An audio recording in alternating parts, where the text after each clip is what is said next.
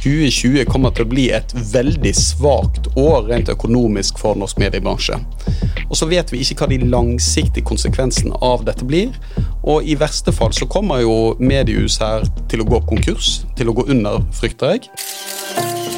Det er så elendig journalistikk at det nærmest burde gått inn i komibøkene. vet du. And I want you all to know that we are fighting the fake news. It's fake, phony, fake, fake. Han er en av landets mektigste redaktører, og bestemmer til en viss grad fortsatt hva folk skal snakke om her til lands. Velkommen til pressepodden i Medie24, sjefredaktør Gard Steiro i VG. Tusen takk for det. Du og Vegard har stått i krisa gjennom 2019. Så kom det en krise som ramma oss alle over nyttår. Vi skal snakke om permitteringer, tillit, medieøkonomi og journalistikk i en krevende tid. Men først noen ord fra våre annonsører. Pressepodden presenteres av fagpressen, som samler 220 av landets fremste medier. Våre redaktørstyrte medlemmer går grundigere til verks. Faktabasert, pålitelig og ansvarlig. Fagpressen. og Retriever, leverandør av medieovervåkning og medieanalyse. Hold deg oppdatert på medieomtalen om koronaviruset med Retrivers interaktive dashbord. Og nå kan denne reklameplassen bli din. Ta kontakt med Medie24 for mer informasjon.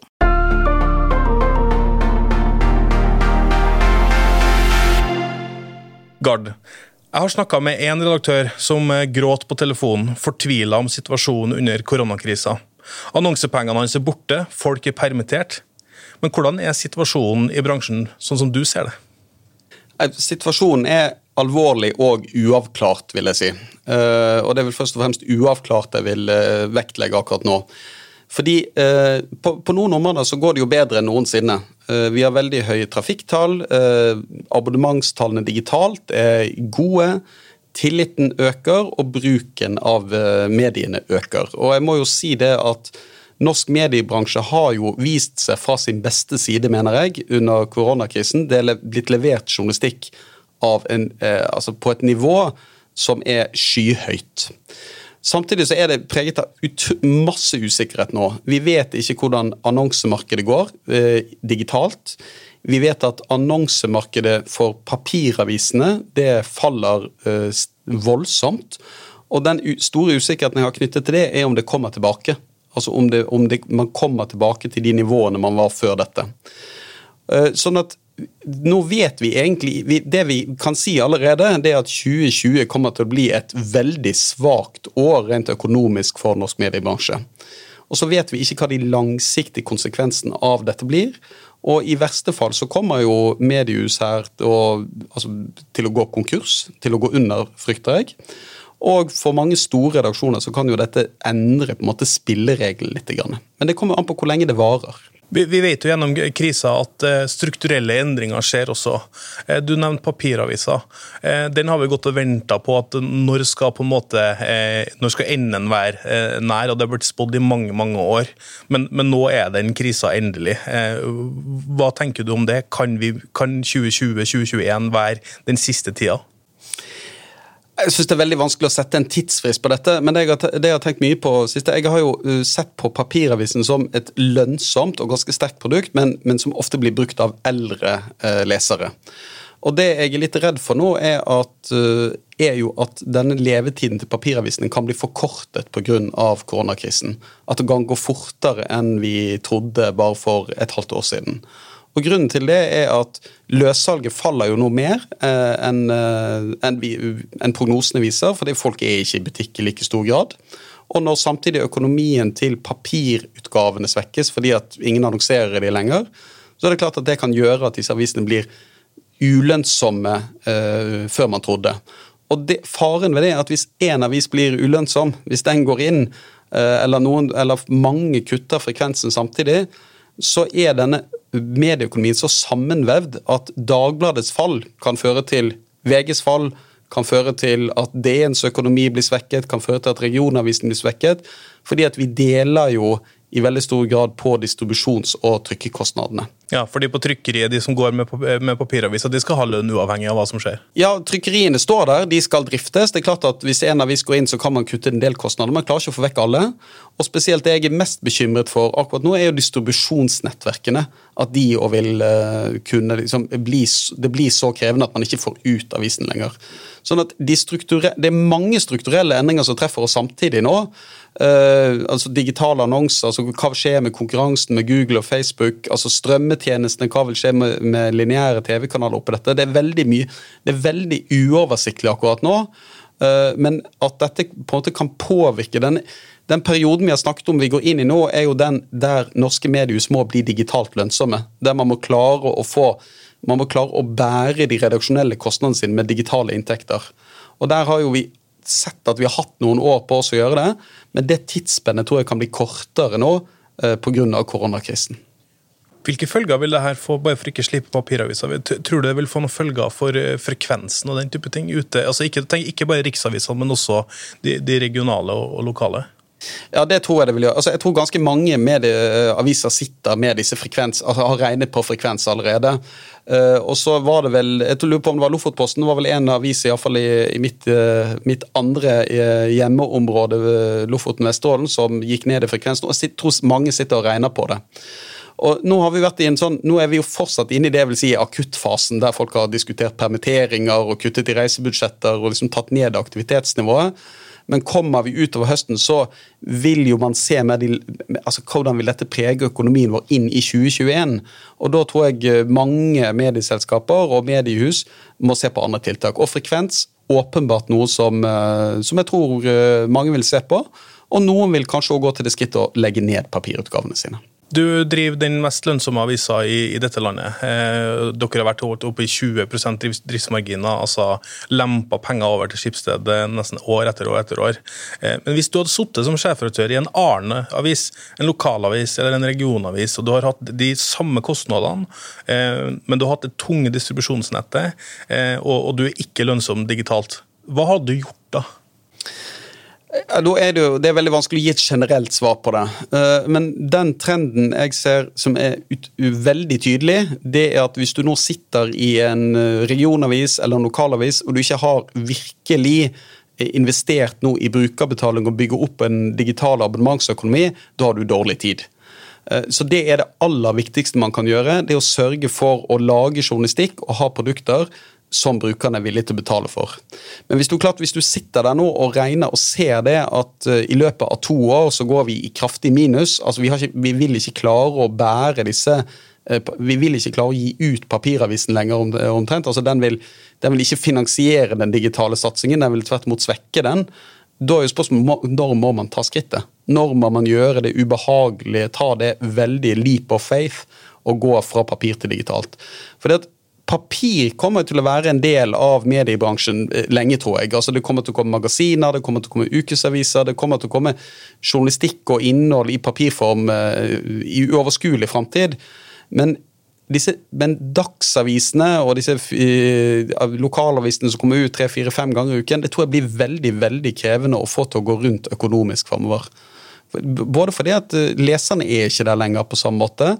Eh, De blir eh, eldre og eldre, og, eh, og de er ikke lenger store. opplaget er ikke høyt nok, eller det er ikke attraktive nok annonseprodukter til at du klarer å ha dette som en, som en finansieringskanal for journalistikk.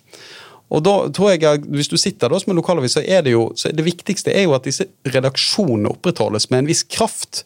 At de er mulige til å, til å oppfylle samfunnsoppdraget sitt og drive ikke bare rapportering, men også drive til en viss grad undersøkende journalistikk og kritisk journalistikk i sitt, sitt nærmiljø. Og det, det tror du må stille spørsmålet du skal stille, som i hvert fall vi stiller i VG. Vi er ikke, altså vi er på ingen, selv om vi er, har vært og fortsatt er lønnsomme, så er jo ikke vi på noen måte forskånet for disse endringene. Og det spørsmålet jeg stiller, er sånn, når, når klarer vi å bære, når klarer vi å oppfylle det oppdraget vi skal gjøre med de digitale inntektene? Det, det, må, det må alle liksom, medieledere ha en plan for. Samtidig så har man jo i, i Skipsted og, og Polaris og sånn bygd opp eh, helt hjem. altså Man har liksom gjort rutene mer lønnsomme. altså Før så gikk budet ute med papiraviser, that's it. Nå så leverer man jo varer og mat og, det, og den type ting også for å på en måte få opp den her lønnsomheten eh, der. De type innovasjonene, hvis man ikke hadde vært der i 2020 når koronakrisa kom, hvor, hvor stor hadde på en måte krisa vært da? Da ville jo krisen vært enda større. Det er klart at Jeg tror, eh, jeg tror eh, de selskapene som har drevet med distribusjon, har gjort mye klokt i Norge. Eh, og det er klart at det, det hjelper på.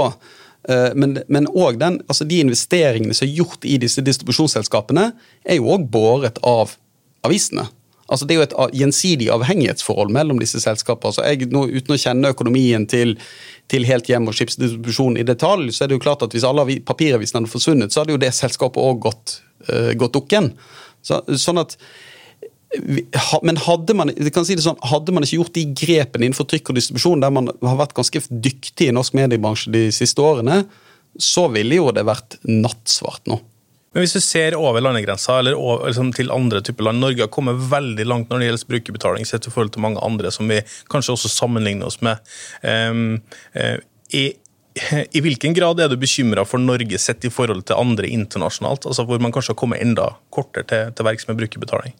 Om jeg er mer bekymret for andre land? Altså det, disse altså det, For det første er det vanskelig å sammenligne. sant? Altså lesemønsteret er annerledes, bruksmønsteret er annerledes. I Norge er vi jo et, et, et avislesende folk sant? med høy betalingsvilje, og de går jo i litt de litt ulikt tempo. Norge har jo ligget bak Sverige på en del områder tidligere, men akkurat på brukerbetaling har vi vært dyktige og vært flinke. Det har jo delvis med at vi bruker masse medier, at vi har breie lokalmedier med stor oppslutning. Eh, men òg at det er høy betalingsvilje for innhold i Norge. Men, men, når du ser i, i små språkområder som det norske, svenske, danske og andre, så er det jo sånn at der tror vi bare må innse at konkurransen mot Google og Facebook og sånt blir altså så sterk at du kan iallfall ikke leve av annonseinntekter. Du er nødt til å finne andre inntektskilder. Jeg i dag ser iallfall ikke noe annet enn at man må sørge for at brukerne betaler en andel av det. Men jeg har lyst til å si en ting som jeg tror er viktig. det at brukerbetaling i norsk mediebransje har jo blitt feiret. Sant? Jeg har jo irritert meg veldig over alle feiringene av gode resultater for brukerbetaling uh, og abonnementsvekst. fordi at det, det, skygger litt for den egentlige krisen. For dette tror veldig mange medier, selv om du, liksom, du tar de mest optimistiske prognosene for, uh, for brukerbetaling de neste årene, så uh, vil ikke det være tilstrekkelig til å finansiere den journalistikken Norge trenger. Så vi er nødt til å lykkes med mer. Vi er nødt til å, få, vi er nødt til å lykkes i det digitale annonsemarkedet. Og jeg tror vi er nødt til å skape andre inntektsstrømmer også. Hvis, hvis vi ønsker å ha det mediemangfoldet vi er glad i, og hvis vi ønsker å ha redaksjoner som kan levere journalistikk på et, på et høyt nivå. Det er jo ikke mange år siden at eh, mediene skulle, skulle leve av alt annet enn journalistikk. Altså, Noen drev eiendomsselskaper, altså, men holdt på med veldig mye rart. Eh, og Så fikk vi opp Event, det holder på med noe det er dyrt, det er vanskelig å få til å gå rundt, noen lykkes med det.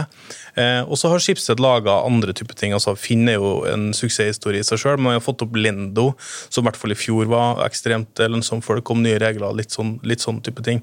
Hvilke innovasjoner er det du ser som, som kan være med å bære denne bransjen som lager den kritiske journalistikken? Nei, altså, det som er litt av utfordringen hvis du i medieselskaper driver og med virksomhet som ligger veldig langt fra kjernen, eh, så er det lett at det på en måte blir splittet opp. Det er ikke gitt at hvis du lager et selskap eh, som, som er veldig lønnsomt, sånn som Lendo, da, at det nødvendigvis hører sammen med mediebransjen, med den virksomheten du driver. Jeg tror på en viss nærhet da, mellom, eh, mellom den kjernevirksomheten og det man skal drive eh, penger for. Ellers blir du på en måte sponset av noe annet noe. Men så jeg har tro på innovasjoner som ligger nær eh, kjernen, som er knyttet opp til vårt egentlige eh, oppdrag. Uh, og i, VG så har vi startet noe som heter VG Lab, som er jo en, liten enhet for så veldig dyktige folk og kreative som har klart å komme opp med små tjenester som alle blir lønnsom, lønnsomme og på ulikt vis kan finansiere en del av journalistikken. Jeg tror aldri det blir den bærende finans, finans, uh, pengekilden til VG, men jeg tror det kan bidra til å, til å gi oss en, mer stabilitet i inntektene. Og at det kan bidra til å finansiere deler av journalistikken. Men hvis du i dag som redaktør tenker at du skal investere i eiendom eller begynne med restaurant eller, uh, eller hva som helst, så er det en viss fare for at det de kommer så langt fra hverandre at, at det hører egentlig ikke sammen. Og det var jo det med Finn, for du kan si at Finn sin virksomhet altså Rubrikk er jo egentlig det som er inntektskilden til mange regionaviser. Men jeg er veldig usikker på om Finn hadde vært Finn hvis det hadde vært et datterselskap av Stavanger Aftenblad og Bergens Tidende.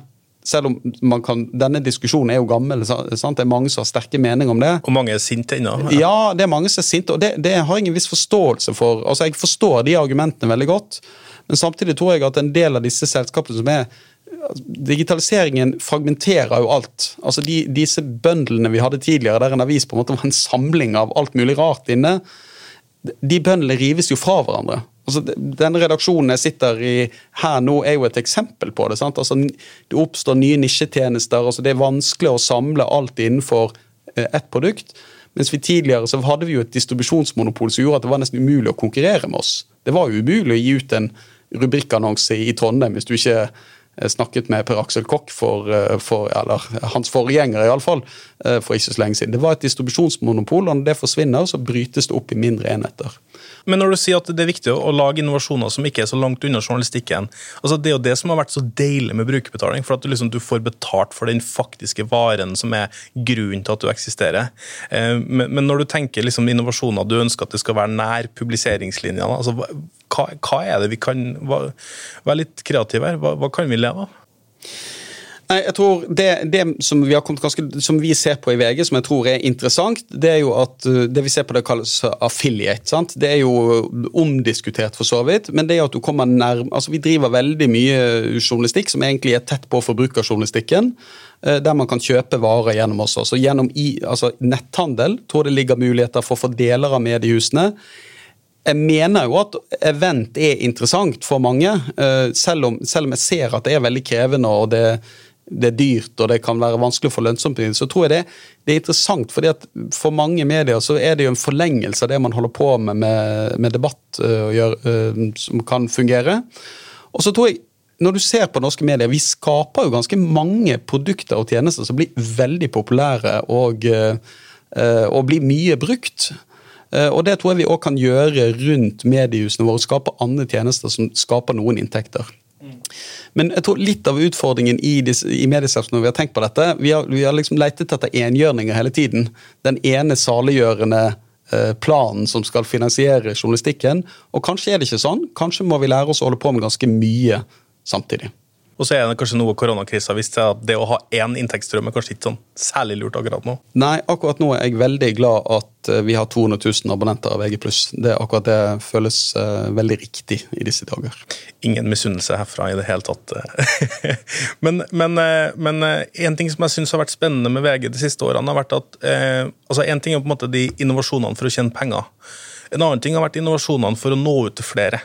Altså, Dere har hatt prosjekter som har, som har, resultert i en del innovasjoner, sånn som VG-Peil, for å nå fram til ungdom. sant? Man har hatt Snap-redaksjon. altså Man har tørre å ta tak i de eksisterende sosiale mediene. Og så har vært litt ballsy og laga noe eget sjøl. Eh, en ting som jeg har vært bekymra for de siste årene, er at jeg tror ikke mediebransjen gjør nok for å nå ut til unge, eller liksom de ulike segmentene i, i befolkninga. Hvilke perspektiver har du her? Eh, jeg er helt enig med deg. Eh, og La meg trekke en parallell til eh, for ti år tilbake, da vi satt og så at papiravisen falt. Da vi altså de, Da vi satt og diskuterte hva gjør man med det, så er det veldig lett å tenke at ja, men når brukerne bare blir litt voksnere, litt mer moden, når de forstår mer, så skjønner de nok vår genialitet og begynner å lese oss. Det tror jeg er en veldig farlig strategi. Eh, og jeg tror det vi må innse at dagens eh, nettaviser i Norge, de er mm, egentlig skapt for folk i min og din aldersgruppe. Det var vi som var de første virkelig tunge brukerne av disse nettavisene. Og, eh, og vi som styrer de er jo middelaldrende kvinner og menn. Og jeg tror vi har problemer med å forstå egentlig hvordan generasjonen under oss konsumerer innhold, hvordan de benytter digitale medier hvordan de eh, snakker sammen, og hvordan de lar seg engasjere av eh, unge brukere. Nei, av, eh, av, mediene. Og det har vi sett i en del undersøkelser at det er rett og slett, vi, vi, forstår det ikke. Vi forstår ikke behovene deres godt nok, vi forstår ikke interessefeltene, og vi lager ikke produkter som er godt nok tilpasset de. Og dette innså vi, altså Det var jo noen av de grafene som virkelig skremte meg for noen år siden i VG òg. For vi hadde jo en Jeg tror vi ble oppfattet som et ganske ungt eh, mediehus med VGTV-satsingen og mye. Men da vi så på bruken, altså ikke likingen altså De unge oppga jo at de gikk til VG når noe skjedde. Men vi så, at, eh, vi så at det de sa de gjorde, og det de faktisk gjorde, ikke hang helt sammen. Og da uh, måtte vi jo begynne å eksperimentere. Og da kom jo Peil ut av det, og Snap-satsingen ut av det. Og det særlig Peil-satsingen ga oss innsikt om, var at måten vi redigerer og setter sammen nettaviser på i dag, er ikke tilpasset eh, de yngste brukerne. Ja, for ordens skyld, altså, Pale er en nyhetsapp hvor man oppsummerer nyhetsbildet på enkle, altså kort forklart, eh, og kanskje tilpassa et ungt publikum. Ja, det er det. Og en av de viktigste, eh, altså en av de tilbakemeldingene vi fikk som jeg synes var interessant, det var ganske mange unge brukere som sa at de ønsket å lese nyheter, men de syntes inngangsprisen ble for høy. For når de kom inn på en vanlig nettavis, så følte de seg eh, dumme. Eh, mange av de sa de. Altså de, de. Det var vanskelig å hekte seg på problemstillinger. det de var noen som spurte om det ga liksom ekstra kred i bransjen å skrive veldig vanskelig. Eh, og de, de sa liksom at de syntes det var uoversiktlig og vanskelig å få oversikt over nyhetsbildet. Eh, og det, det gjorde, innt, gjorde i hvert fall inntrykk på meg. For det, det, var ikke, ofte te, vi har, eh, Av og til så tenkte vi at det er tematisk. Vi må, vi må endre tematikken vår. Vi, må, vi, må lage, vi må skrive om temaer de unge interesserer seg for. Det må vi selvfølgelig. Men det var noe, det var, uh, utfordringene var, stakk enda dypere. Det handlet på en måte om hvordan vi egentlig presenterte nyheter. i det hele tatt. Og Der tror jeg norske medier har veldig mye å gå, å, å gå på.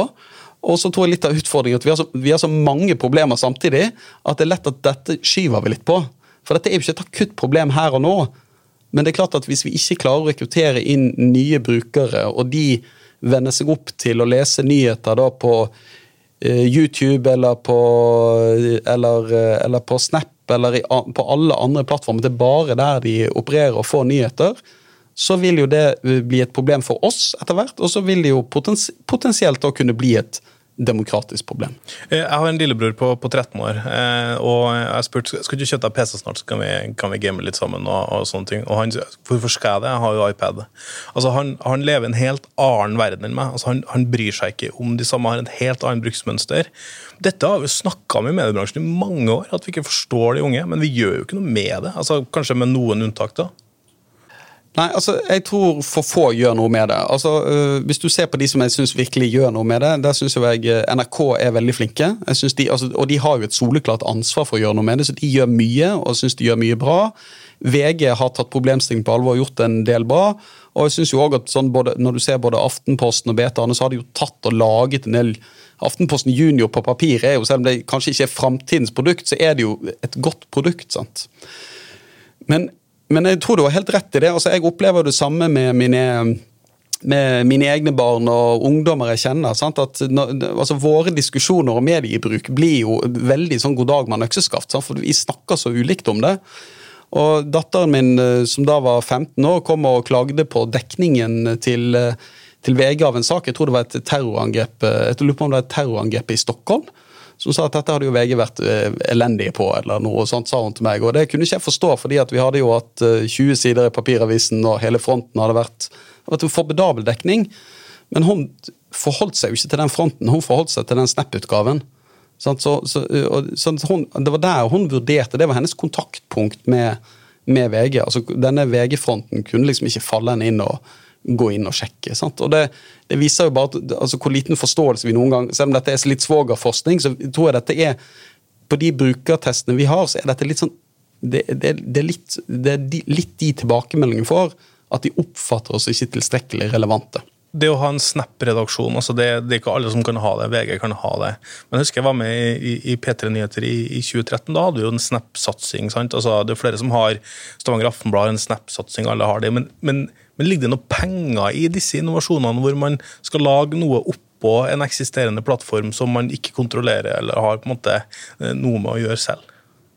Nei, altså det er jo problemet i Norge. Sant? at selv om, altså Når du ser på VG sin bruk, når vi er oppe i en halv million abonnenter på Snap-utgaven, så burde jo det vært dønn lønnsomt. Sant? Det burde jo vært en økonomisk gullgruve. Det er det ikke. Det er noen inntekter der, men det er ikke, dette er ikke en plattform som egentlig er skapt for at vi skal tjene veldig mye penger på det i et lite land. Nei, for dette er mer en lab enn en inntekt? Ja, dette er mer en lab enn en inntekt. Så tror jeg at, men det er flere argumenter for å gjøre det likevel. Eh, Et argument er at jeg tror at dette er en viktig for å nå ut med merkevaren og journalistikken vår til, eh, til unge brukere. Vi har sett på de målingene at de som bruker oss på Snap, tenderer til å bruke oss mer og på eh, de vanlige utgavene våre. Så er det en utrolig viktig læringsplattform for oss. Dette er, en, dette er jo den første plattformen vi som bare er mobile only. Det er bare mobil. Så det jeg synes sånn eh, Rolf Sønsteli og Thomas Manus og gjengen på VGT har vært veldig flinke på, de har jo rullert medarbeidere inn og ut av den Snap-redaksjonen. Sånn at det er jo veldig mange i VGTV-redaksjonen som har vært inne der, hospitert, jobbet der en stund og kom tilbake. Og nå er det jo journalister, altså erfarne journalister fra utenriks og andre som er og jobber i Snap-redaksjonen for å lære seg hvordan du, skal, eh, hvordan, hvordan du kan presentere journalistikk på det viset. Og det, den læringen, den, den tror jeg ikke du får ved å gå på et foredrag eller gå på en konferanse. Den tror, den tror du må få i fingrene og følge dataene og se hvilken respons du får hos brukerne.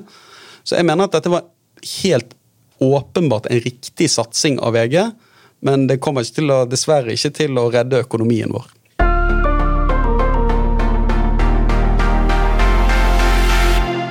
Pressepodden presenteres av fagpressen, som samler 220 av landets fremste medier. Våre redaktørstyrte medlemmer går grundigere til verks. Faktabasert, pålitelig og ansvarlig. Fagpressen. Og Retriever, leverandør av medieovervåkning og medieanalyse. Hold deg oppdatert på medieomtalen om koronaviruset med Retrievers interaktive dashbord. Og nå kan denne reklameplassen bli din. Ta kontakt med Medie24 for mer informasjon.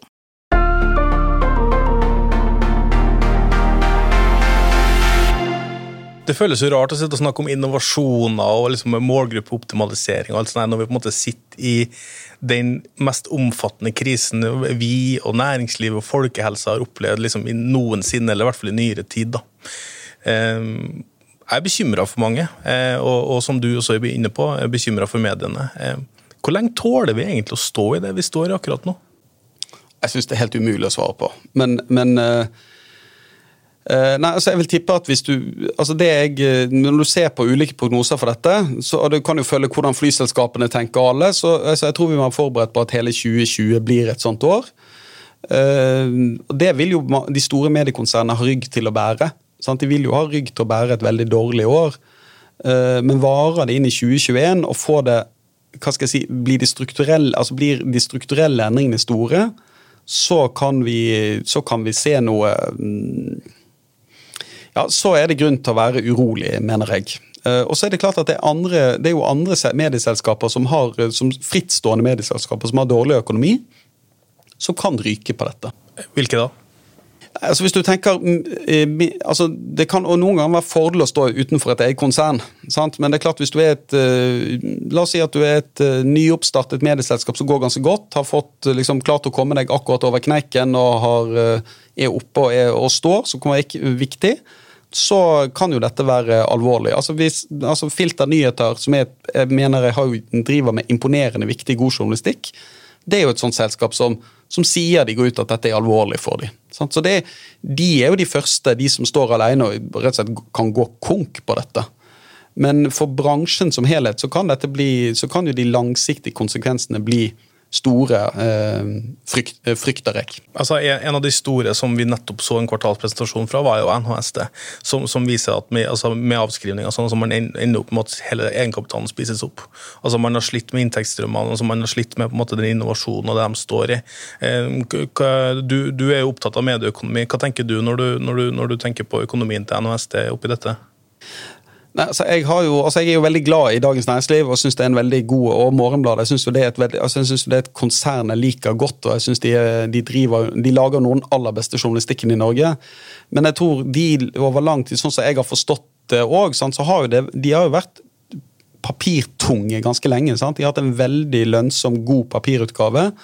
Og jo kanskje, var jo kanskje litt seint ute med å flytte seg, og så gjorde de et veldig store, for meg fremstår som kloke grep i fjor.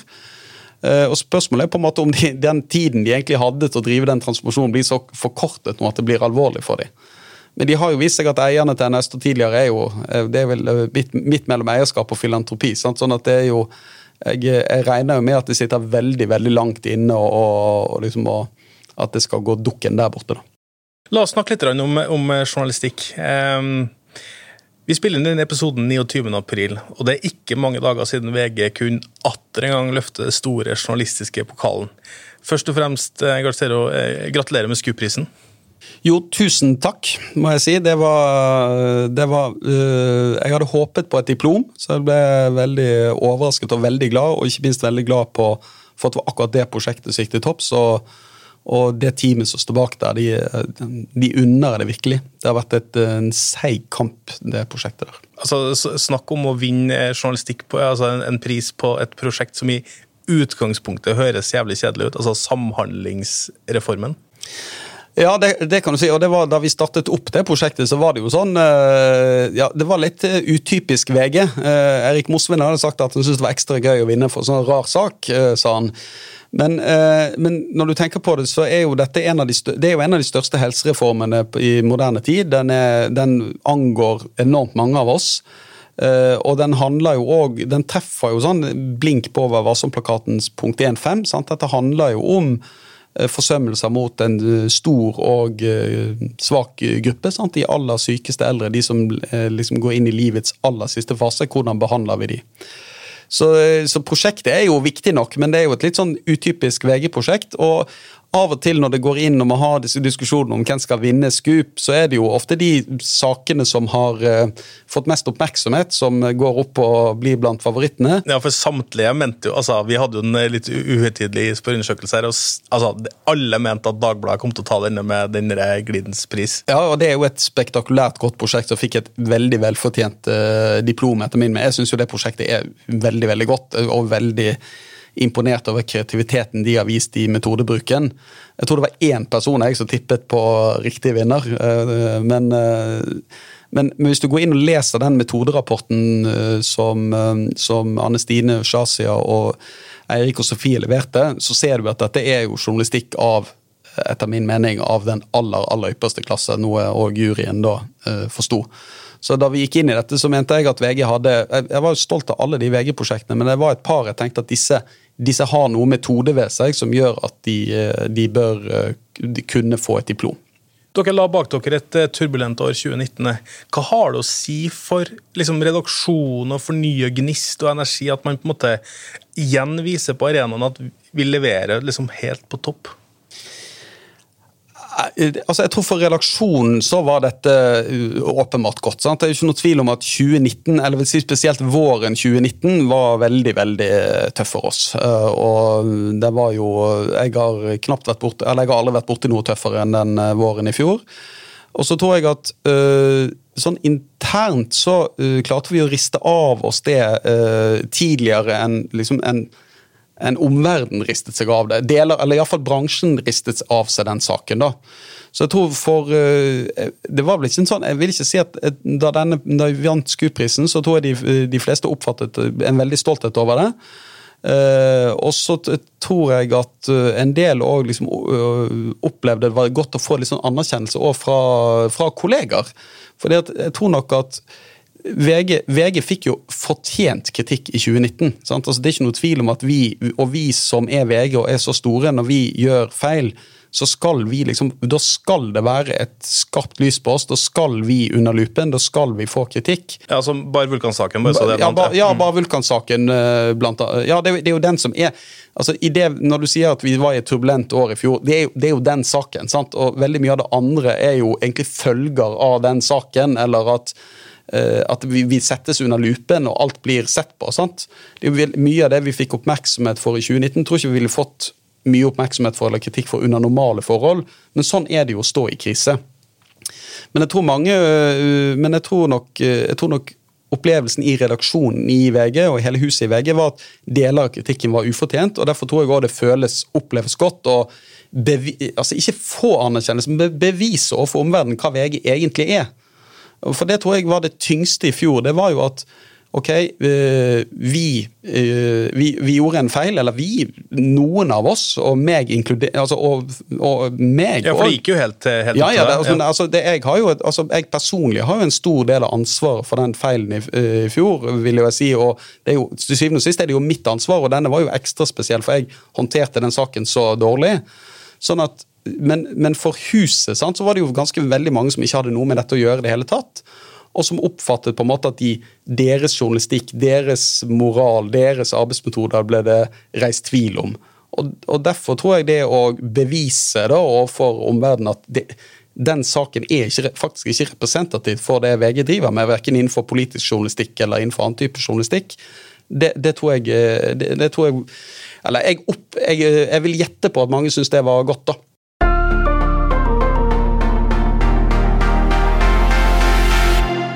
Pressepodden presenteres av fagpressen, som samler 220 av landets fremste medier. Våre redaktørstyrte medlemmer går grundigere til verks. Faktabasert, pålitelig og ansvarlig. Fagpressen. Og Retriever, leverandør av medieovervåkning og medieanalyse. Hold deg oppdatert på medieomtalen om koronaviruset med Retrivers interaktive dashbord. Og nå kan denne reklameplassen bli din. Ta kontakt med Medie24 for mer informasjon.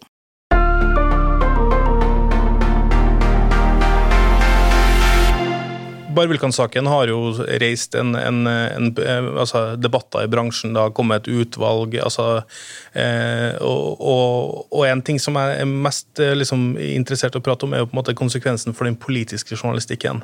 Fordi er det en ting man vet etter å ha tråkka litt på Stortinget, så er at det er jo ekstremt mye makt, veldig mange allianser, og det er behov for sterke redaksjonelle miljøer som evner å én stå ikke imot det, men altså at man, man, man, er, man er sterk rundt det man holder på med. Eh, og det andre er at man har legitimitet og troverdighet i det man driver med.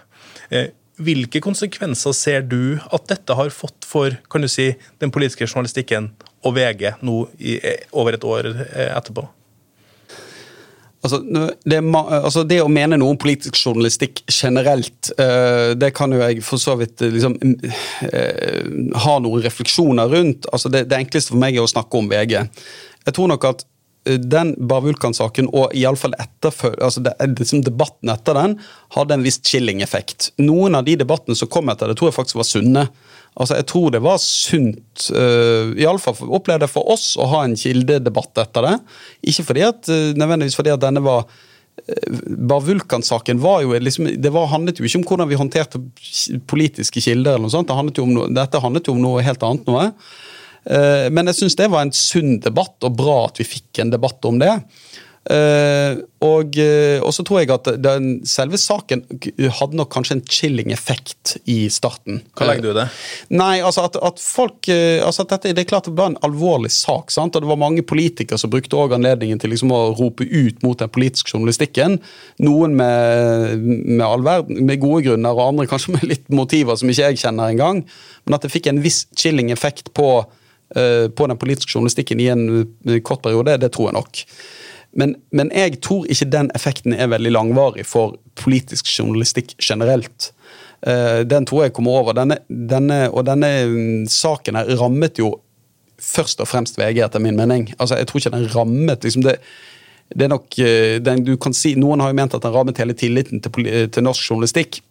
Jeg er litt usikker på sånn kausaliteten der i det, men at den rammet tilliten til VG, det er jo jeg helt uh, sikker på. Men når du sier chilling-effekter, så mener du at, man, at det var kanskje saker man unnlot å ta i, eller at man ikke tok i så hardt som man burde, eller at man lot ting ligge i skuffa? Altså, hva, hva betyr det? Nei, jeg tror f.eks. at du fikk, en, du fikk en, eh, en situasjon der man på en måte Altså, denne saken ble så stor og så, og så vanskelig, sant? og den involverte jo mange og veldig mange meninger. at Jeg tror at den skal, kunne, potensielt kunne skape en viss usikkerhet. sant? Eh, og det tror jeg også at du, Vi fikk veldig mye kritikk, og du fikk en debatt om politisk journalistikk. At den aller skarpeste politiske journalistikken kanskje du hadde en chilling-effekt på det. Mista litt sjøltillit, på en måte? eller? Ja, det kan ja, Mulig. mulig men jeg tror, som jeg sier, jeg tror den er kortvarig. At den hadde en chilling-effekt. For det er klart at du skal, når du skal drive med journalistikk og skape journalistikk, så vet du at du havner jo i konflikt før eller siden. Du kommer til å gjøre feil.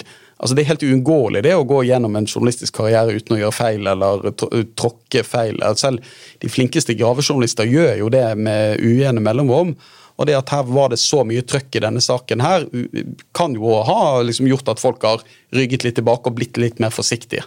Det, altså det, men nå er jo jeg mer på spekulasjon. Jeg har ikke, noe sånn, jeg har ikke noe, gjort noen undersøkelser eller noe sånt som underbygger dette. Nå, nå, mener jeg bare litt om det.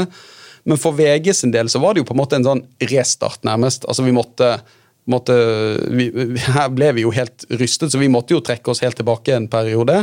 Uh, og det ble drevet Jeg syns jo vi drev mye god journalistikk og inn mot uh, ja, altså Jeg syns høsten, for eksempel, og inn mot valg og sånt, så syns jeg vi altså jeg synes vi drev, drev, mye god politisk journalistikk. Jeg syns ikke det liksom var, var, på ingen måte svakt, det vi leverte det året der, men vi måtte jo gå i oss sjøl. Og jeg synes jo det, når du gjør en sånn feil som det vi gjorde, så mener jeg det er jo et krav som må stilles. og da må vi jo da må vi jo gå inn i oss sjøl og stille grunnlovsspørsmål. Gjør vi noe feil her? Altså, er det noe galt? Var dette et enkelttilfelle, eller er det, noe, er det noe galt med måten vi driver journalistikk på? Mm. En, av, en, del av de kritikken som også altså Den er jo ikke landa unna den ballen når det gjelder kildeutvalget. Når det gjelder eh, anonyme kilder og, og sånt.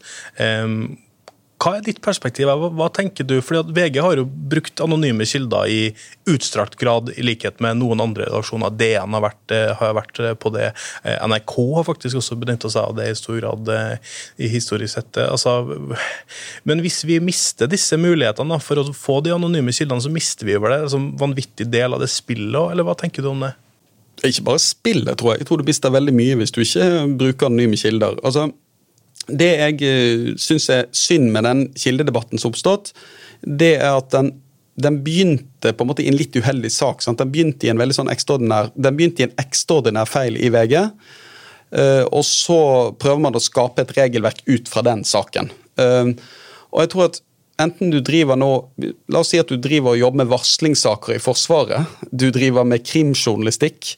Du driver og jobber inn mot helsevesenet, eller du jobber inn mot politikk så tror de fleste som driver den type journalistikk, vet at hvis du ikke har bakgrunnssamtaler, hvis du ikke kan benytte anonyme kilder for å skaffe deg kunnskap, hvis du heller ikke kan ta og skrive en del saker basert på anonyme kilder, så går publikum glipp av veldig mye viktig informasjon. Eh, og jeg mener at denne debatten om anonyme kilder blir litt sånn den, den, mister det perspektivet av og til. At, at, uten bruk av anonyme kilder, uten reportere som har veldig mange kilder, og snakker med mange og har bakgrunnssamtaler og, eh, og drikker noen utskjelte øl med, med, kilder, så tror jeg vi mister veldig mye. Og så kan du si at hva, eh, nå, skal vi diskutere hva skal dette føre til. Skal vi skjerpe inn regelverket eh, voldsomt? Skal vi legge veldig strengere føringer ved varselplakaten? Og Da må man i hvert fall stille spørsmålet hva er galt med, var det, I denne saken var det noe galt med Vær varsom-plakaten. Fanget Vær varsom-plakaten opp de feilene VG gjorde? Eh, det vil jeg driste meg til å påstå at det gjorde den. Vi ble jo felt så det sang etter i den saken, eh, på, på fem punkter. Sånn at Når VG i den saken der bryter varselplakaten på fem punkter, så var det jo ikke sånn at det var noe mangel ved varselplakaten der man ikke kunne slå ned på de feilene VG gjorde. Og det jeg i fall er litt sånn uh, engstelig for, som syns det er viktig å få løftet opp, det er at det at VG gjør en feil, må ikke føre til at man får et regelverk som innskrenker journalistenes handlingsrom og redaktørenes uh, styringsrett. Uh, det tror jeg Altså, jeg er jo veldig jeg er jo veldig glad i Varselplakaten, veldig glad i PFU. Det er utrolig viktig for tilliten til norske medier. Men samtidig er noe av det veldig gode med eh, PFU og Vaseplakaten det at den er retningsgivende på en del områder. Den er ikke så detaljorientert. Man sitter ikke med en linjal og måler med, eh, og måler sant? millimeteren her. Man sitter og har en diskusjon, og så kan man støtte seg til tidligere uttalelser. Eh, og se hva PFU har ment, og finne måte, en retning i det.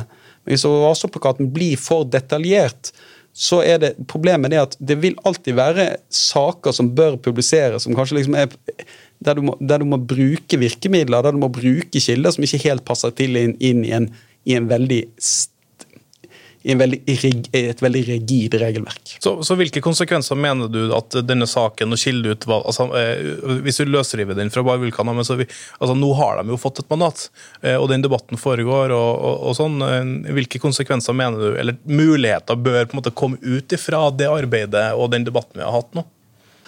Nei, jeg mener det viktigste allerede har kommet ut av det. eh, faktisk. Altså, jeg, eh, altså Denne diskusjonen om endring av Vassplakaten den får vi nå se. altså Den må vi jo, den eh, mener Jeg bare at jeg, jeg er ganske glad for at det tar litt tid mellom bare Vulkan-saken og man skal ta stilling til det. Fordi at, eh, fordi at det, det tidsrommet der kan gjøre at vi får bedre diskusjoner, at ikke alt blir diskutert rett i liksom- altså Selv om de sa i, da Kildeutvalget ble satt ned at det skulle liksom ikke granske VG, så er det klart at bare Vulkan-saken eh, gjennomsyrer jo den, eh, hele den diskusjonen vi hadde i startfasen der. Så jeg tror det er veldig bra for den diskusjonen at vi får litt tid. sånn at vi, Og da kan du få litt lengre og andre perspektiver på, på det. Men som jeg sier, det viktigste har allerede skjedd. Det viktigste som skjedde, var jo at dette ble en diskusjon i mange eh, redaksjoner. Ikke, I VG, jo, I VG har vi jo snudd jeg vil ikke si vi har snudd opp ned, men vi har, vi har jo jo- jobbet så grundig med dette at jeg har, tror vi aldri har jobbet så Jeg har aldri vært med på å jobbe så grundig med etisk regelverk, med kildemanualer, med rettelogger, med diskusjoner. Altså, hadde, vi har tatt det ekstremt på alvor i VG. Det er jo ikke, det, altså, og diskusjonene pågår jo i dag òg. Vi sitter jo fortsatt ukentlig å diskutere med utgangspunkt i Bavulkan-saken og kildemanualen vår. Hvordan skal vi løse eh, ulike eh, situasjoner. Og min, Det jeg hører, er jo at veldig mange andre redaksjoner har, har gjort det samme. For det var jo på en måte litt, to leire. eh, Det er iallfall de tilbakemeldingene jeg fikk. Det var noen som sa det var noen som valgte å si at VG er et VG er liksom et VG er et konkursbo, eller noe sånt. hva man sa, sant? Dette, dette viser, Her har VG vist det sanne jeg. Og så har jeg snakket med andre redaktører og mellomledere og journalister og sagt at eh, ja, dette var eh, en alvorlig feil, eh, men det vi har snakket om hos oss, at noe lignende kunne ha skjedd hos oss. Altså, vi kunne Lignende feil kan skje. Og, og Bavulkan-saken er jo eksepsjonell fordi det en- var en veldig betent sak. Fordi den ble avslått av et annet medium, på en måte. Fordi den var dårlig håndtert etter, etterpå. Eh, Men òg fordi at feilen skjedde i en eksplosiv eh, politisk sak. Men, men jeg tror nok at hvis vi liksom tenker over Dette er jo ikke dette er nok, altså Det er jo ikke eneste gang at noen liksom har blitt feilsitert, eller at det har skjedd, altså at man har hatt intervjuer som har gått galt, eller, altså, og, at, og at man har vært for seine med å rette ting. altså, veldig, altså De isolerte feilene i denne saken har jo VG òg gjort i andre saker, vil jeg uh, tro. Men dette var jo en helt, her var det jo en sånn Og sånn er det jo ofte ved sånne kriser. Da er det jo mange ting som går galt samtidig. Men, men jeg tror at det fine med når, når, medie, når det oppstår medie, når et medie trår feil Denne gangen var det VG, neste gang er det forhåpentlig, eller forhåpentligvis ingen. Men hvis det skjer noe lignende igjen, så vil det jo kanskje være et annet medium. Og norsk presse er ganske flinke til å debattere og ta utgangspunkt i det og drive selvransakelse når noe sånt skjer. Det mener jeg, Hvis du ser historisk på mange av de feilene som er gjort, så er det jo en fase der man man liksom retter selvfølgelig oppmerksomhet mot den som har gjort feilen, men det fører jo òg til en sånn ganske god eh, presseetisk debatt jevnt over, syns jeg. Hvis du kikker på den prisen dere vant Skup, eh, Skup for, for nå, så handler jo det egentlig om de svakeste i samfunnet på mange måter. Eh, hvis man jeg tror også at liksom det, det, var et element av den Bar Vulkan-saken som handla om motstrøm eller motkultur og elitisme, og at vi som journalister, redaktører, er en del av en eliteklikk som henger sammen. altså At man har pølsefest. altså Alt ble på en måte sausa sammen i, i den, hele den biten her. Eh, vi hadde et litt sånn eh, morsomt eksempel her hvor, eh, hvor det var en, en spinndoktor til Erna som skulle ha med en av dine, Tone Sofie, over til Nesodden for å drikke øl. Altså, og Da kommer liksom anklagene om at vi er en del av eliten og sånn. Jeg tenkte jeg skulle spørre deg litt om det. Her er det steile fronter. Folk mener mye forskjellig. Hva mener du? Er det for tette bånd mellom journalister og politikere og den meningseliten, eller er det ikke det? Uh, altså, du, du, har helt rett la meg begynne da, du har helt rett i at her var det mye som ble sauset sammen. altså, det var jo utrolig mye som skjedde på én tid. Som, når, og da bare Vulkan-saken sprak, så var vi, altså, vi, det var jo som at vi, liksom, vi satte jo fyr på et bål som var dynket i bensin. Så det var veldig mye som lå under der, som blusset opp i den saken der. Uh, og, altså, det, jeg, jeg tror at bånd altså, mellom politikere og politiske journalister det er helt uunngåelig. Fordi det er, det, det er veldig tett, dette miljøet. Det er et lite miljø, og man går på det. Og dels så er jo disse båndene og skaper en form for tillit. Mitt inntrykk, sånn hovedinntrykk av politiske journalister i sånn som jeg kjenner de, de er, liksom, de, de er bare dønn kritiske mot uh, altså det, det, er sånn jeg opplever iallfall de journalistene i VG. Altså de, de, er liksom, de er kritiske i alle retninger. Det er sånn jeg opplever de iallfall. Så tror jeg vi skal være veldig bevisst på disse, bond, uh, på disse tette båndene. Og så kan man, som jeg har sagt flere ganger også om den pølsefesten, som en sånn i utgangspunktet jeg ikke syns var så ille. Men der syns jeg eh, de, de, som sa da, og det var vel hjelp meg, hvem som sa det, at hvis du blir tatt bilde av, hvis du syns det er ubehagelig å bli tatt bilde av Det var Trygve som sa det. sant? Altså, hvis, du, hvis, du syns det et, uh, hvis du syns det er ubehagelig å bli tatt bilde av en situasjon, så bør du ikke være der. Og det vi må tenke på, er hvordan oppfattes dette. For det hjelper jo ikke at vi synes at det ikke er tette bånd, hvis folk oppfatter det tette bånd. Det jeg uh, men, men jeg Altså, jeg, kommer, jeg bor i Bergen, jeg kommer fra et annet sted. Jeg oppfatter jo ikke meg som en del av noe sånt. Eh, jeg oppfatter ganske mange av de kollegene mine som, som de rundt meg oppfatter ikke del av noe sånn eh, form for eh, elite. Men at de kjenner at de har store nettverk og kjenner mange, jeg er ganske sikker på. Noe jeg tror vi skal være bevisste på, det er jo, som, som er jo bevisst på at, at båndene mellom mediebedriftene er også ganske tette. Altså, for denne boblen ble jo snakket om politikere og journalister uh, sammen, men det er jo òg ganske tette bånd mellom journalister. Ja, altså Bare, bare Vulkan-saken er et eksempel der Gerhard Helskog i TV 2 var den som dro opp saken som er gift med din politiske redaktør. Altså, og Så ble det inhabilitet og at andre tok seg av det, men altså, det er også et eksempel på en måte hvor at folk er gift med hverandre, folk har omgang med hverandre, folk er på fest med hverandre, som man også skal være. Og så har man det punktet i Vær varsom-plakaten 1.4 som sier at vi skal være kritisk til hverandre. Ja, og da er det jo spørsmålet om disse om, altså, er, er altså, Opererer vi noen gang, Kan det hende at vi opererer i noen situasjoner liksom som én redaksjon, nærmest? sant? Altså, man har, man er så tett, det er så tette bånd mellom journalister at man, man må ha samme syn på saken og deler syn på saken at man ikke får de alternative røstene inn. Det er det jo en, det er det jo en viss risiko for. Men, øh, men jeg har altså jeg har ikke jeg sitter ikke med den der følelsen at det er altså da, da disse samrørediskusjonene kom opp, så kjente ikke jeg meg igjen i, i de uh, krasseste beskrivelsene av hvordan dette var i Oslo. Men jeg tror òg at det ble, jeg tror også den debatten ble litt forsterket av denne sentrum-periferi-trenden som gikk samtidig. Sant? At det var, et, det var, en voldsom kritikk mot sentralmakt og mot Oslo. Det traff akkurat oppi det, som jeg tror muligens forsterket det noe. Mm.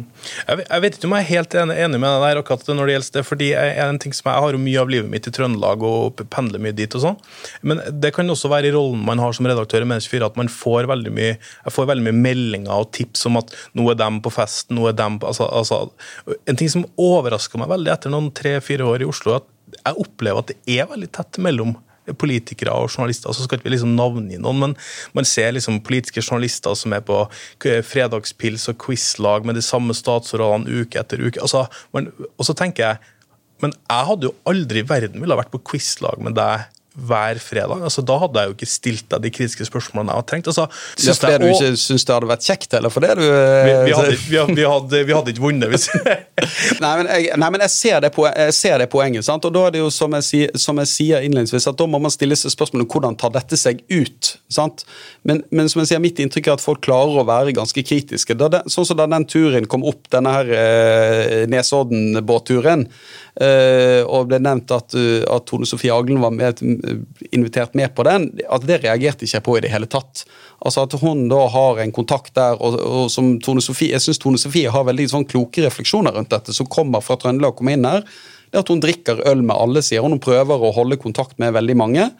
Uh, fordi at det er måten hun skaffer seg innsikt på, det er det hun forstår hva som skjer rundt henne, og det er jobben hennes.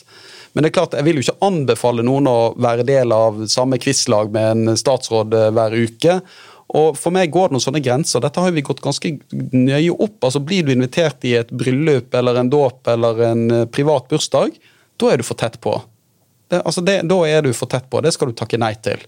Og Selv om du mener du kan håndtere det sjøl, så skal du takke nei til det. for da, eh, da kan ikke publikum lenger uh, ha tillit til at du uh, har tilstrekkelig kritisk distanse. Er folkene dine flinke til å liksom informere? og Akkurat her syns jeg at jeg sjøl er litt inhabil. Kan andre ta det? Altså, hvordan, hvordan foregår Ja, det syns jeg de er. Altså, jeg får henvendelser om dette. Jeg syns folk har ganske lav terskel for å si fra om denne type ting. Og, og så er det jo sånn at de er jo ikke bare at de sier fra til meg, men altså, jeg oppfatter òg at det, det er jo et det er jo et leder, altså VG er jo et, det er jo et sterkt mellomleder, seksjonslederkorps der, som har grundige diskusjoner med medarbeiderne.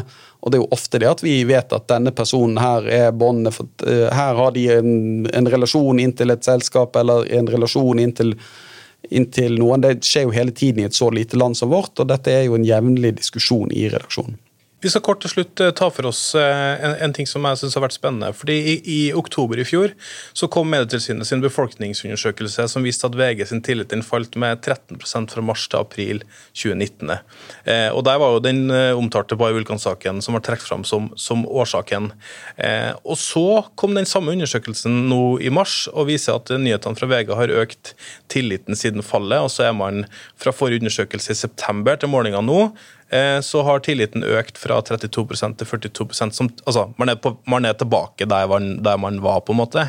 Eh, men samtidig så er det 42 altså, eh, Det er jo egentlig et todelt spørsmål her. Det ene er det godt å være tilbake, og, og det andre er det godt nok? Ja, det er godt å være tilbake, og, og, for så vidt heller ikke så Altså, Jeg er ikke veldig overrasket over det, og det er to grunner til det. For da dette, da dette smalt, så sa vi nå skal vi gjenvinne den tilliten på to måter. Vi skal rydde opp skikkelig, og vi skal være åpne om opprydningen vi, uh, vi har gjort, og det synes jeg vi har det, det, jeg, er stolt, altså jeg er stolt av det opprydningsarbeidet som ble gjort i VG. og Der er det mange som har tatt et, et, ansvar, mange journalister og ledere som har tatt et virkelig ansvar for det, som jeg er takknemlig for. Og så sa jeg at vi, Det andre vi skulle gjøre, det var at vi skulle levere god journalistikk. For det er gjennom å levere god journalistikk vi, vi kan gjenvinne tilliten. Og det mener jeg òg vi gjorde i fjor. Og det tror jeg faktisk folk legger merke til. Og så er det store spørsmålet er, er dette godt nok. Altså, da VG sitt vi, altså, vi måler jo tilliten til VG hele tiden internt òg. Og VG, tilliten til VG den var, nådde en sånn topp så, i min tid der, iallfall jeg tror kanskje det var en historisk topp òg, rundt uh, desember uh, 2018, tror jeg. Altså Da var vi på en måte, da hadde vi alle vært høyere. Og det tror jeg, Da var det mye som skjedde samtidig, men vi hadde hatt veldig mange, mye god journalistikk. da, Tolga-saken og en del annet samtidig, så jeg tror bidro til at vi gikk opp noen prosentpoeng. Men den har aldri vært på nivå med NRK sin, og kommer heller aldri til å komme på nivå med NRK sin. Og det er så enkelt som at hvis du skal ha VG sin størrelse, den bredden VG har, treffe så mange som VG gjør, så må du ha en type innholdsmiks som nødvendigvis òg vil påvirke en sånn generell oppfatning av avisen. Sex, sport, altså du må ha det ja, som treffer. Ikke, du trenger ikke ha så mye sex, men du må ha sport. Du må jo ha underholdning. Dere er jo gode på Paradise og sånt. da. Ja, du må, dekke, du må, skrive om det som store deler av befolkningen er opptatt av. Og det er klart Når, folk, når, jeg får den kritikken for at nå skriver dere om uh, Sofie Elise eller Paradise Hotel uh, igjen altså Den rister jeg fort av meg. Det, En del av kritikken som går på måten vi vinkler saker på, og mengden av det og sånt som jeg lytter til, men ikke at vi skriver om de temaene. Det synes, for det, det mener jeg er helt avgjørende. Fordi at Hvis vi slutter å skrive om det temaet, litt jf. den diskusjonen vi hadde tidligere nå, så tror jeg vi mister en del lesergrupper som leser andre VG-saker pga. de. Og Da jeg jobbet i Bergens Tidende, som var en avis som hadde høyere tillit enn en VG, så, så, valgte vi jo bort det. For det var ikke en del av avisens profil, en del av avisens oppgave, å dekke disse temaene. Eh, og vi kunne gjerne, Jeg òg kunne den gang hovere over andre som skrev om de temaene. Men når du jobber i VG, så må du forstå denne folkelige profilen og denne breddeprofilen. Og da, da En av prisen du betaler for det, det er at du vil ikke bli oppfattet som like seriøst da, i anførselstegn som en del andre medier. Men da, da, må du velge å se på en del andre tall. For selv om tilliten til VG falt i fjor, så økte jo bruken gjennom hele året. Sant? Og selv om når vi spør ja, mener du VG er, eh, er, er først ute med siste nytt, så svarer folk ja. Har du tillit til det som står er der er korrekt? Ja. Syns du det er en seriøs avis? Nja. Altså jeg tror du må gå litt dypere ned og prøve å forstå hvilke eh, dimensjoner innenfor tillit er de mest relevante for et nettsted innenfor denne kategorien. De er skeptiske til deg, men de kjøper varene dine likevel. Det... Ja, det, det kan du si. Altså, men men jeg, altså, jeg tror at eh, når vi ligger og liksom tikker opp mot uh, under koronakrisen nå på fire millioner unike daglige brukere, sant, så er det jo ikke sånn at, det er jo ikke sånn at folk misliker oss, eh, tror jeg. Altså, jeg, tror- jeg tror jo det at hvis du ser under koronakrisen, så mener jeg det arbeidet vi har gjort for med, med spesialene våre, med å gi faktainformasjon, altså det ligger jo Det er det mest leste mm, hver dag. Selv i går, da det var en dramatisk pågripelse, så var det jo flere eh, treff på, på, på koronaspesialen dette. Og det vi, tror jeg viser at folk har tillit til VG, at vi gir de korrekt informasjon. Men så kan det hende at, de, liksom, at deler av stoffet vi, vi serverer, vil de kanskje ikke assosieres med, da, eh, for å si det sånn. Men når jeg sier dette, så, så er det for så at jeg mener at tilliten til, til VG bør opp. Jeg mener at vi skal jobbe for å få den opp. Eh, Men å, si, men, litt, men å si om 42% er høyt eller lavt da tror jeg i hvert fall, eller Du må, du sammenligne epler og epler. da, i den, eh, For det at det er en annen kategori enn det type Aftenposten er i.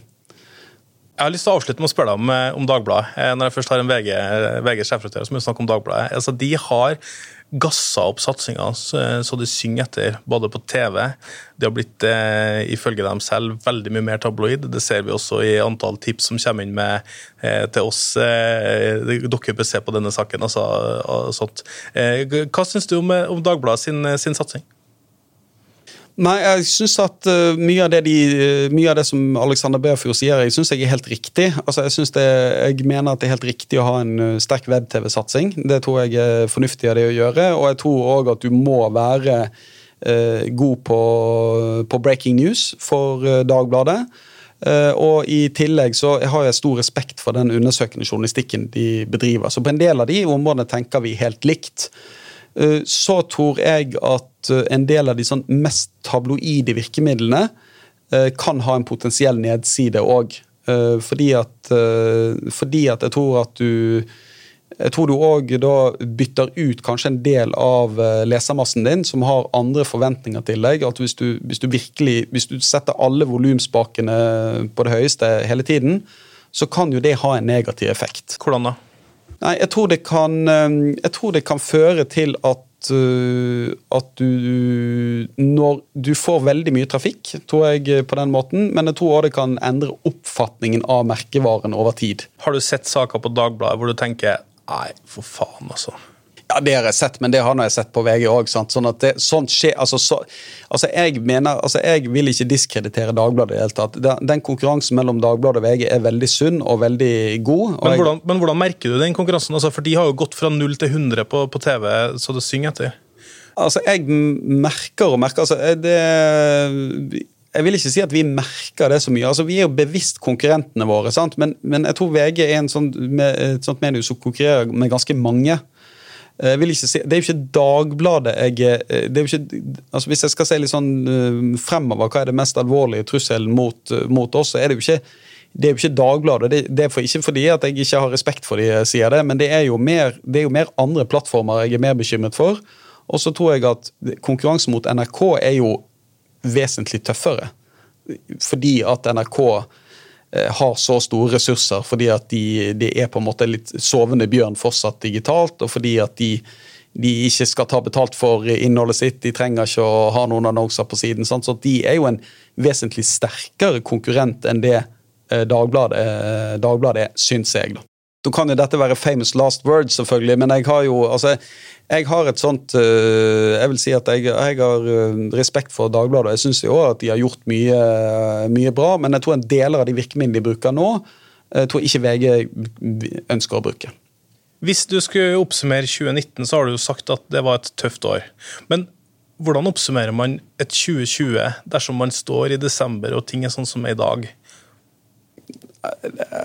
Altså 2019 er jo et, øh, blir jo en parentes uansett, da, sammenlignet med 2020. Fordi at øh, det vi står overfor nå altså 2019 var jo tøft for, øh, tøft for VG, men det var jo et godt år for mange andre. Altså det var jo det var jo én sak. Det vi står i nå, er jo, det er jo et historisk år. altså Dette kommer det jo Vi har snakket om det at det, de sakene vi skriver nå, de går inn i historiebøkene. Ehm, det, det arbeidet vi gjør nå, det er det viktigste vi noen gang eh, har gjort. Eh, og dette er jo et år som eh, våre barnebarn kommer til å, til å interessere seg for. Sant? Sånn at den sammenligningen blir jo det, det, er bare i, det, er bare, det er bare i Media24s lokaler vi kan drive den sammenligningen. Og godt til det. Takk skal du ha for at du var med i pressepodden Gard Stereo. Takk for at jeg fikk komme. Reaksjonen består av Eira Lijord, Ole Alexander Saue, Jan Magnus Weiberg Aurdal og meg, Erik Votland. Teknisk ansvarlig Sebastian Manrikes i Poitapod. Vi høres plutselig.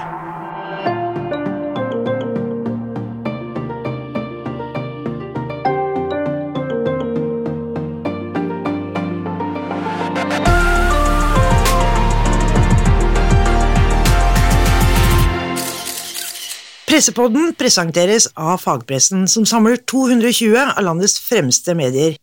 Våre redaktørstyrte medlemmer går grundigere til verks. Faktabasert, pålitelig og ansvarlig. Fagpressen. Og Retriever, leverandør av medieovervåkning og medieanalyse. Hold deg oppdatert på medieomtalen om koronaviruset med Retrivers interaktive dashbord. Og nå kan denne reklameplassen bli din. Ta kontakt med Medie24 for mer informasjon.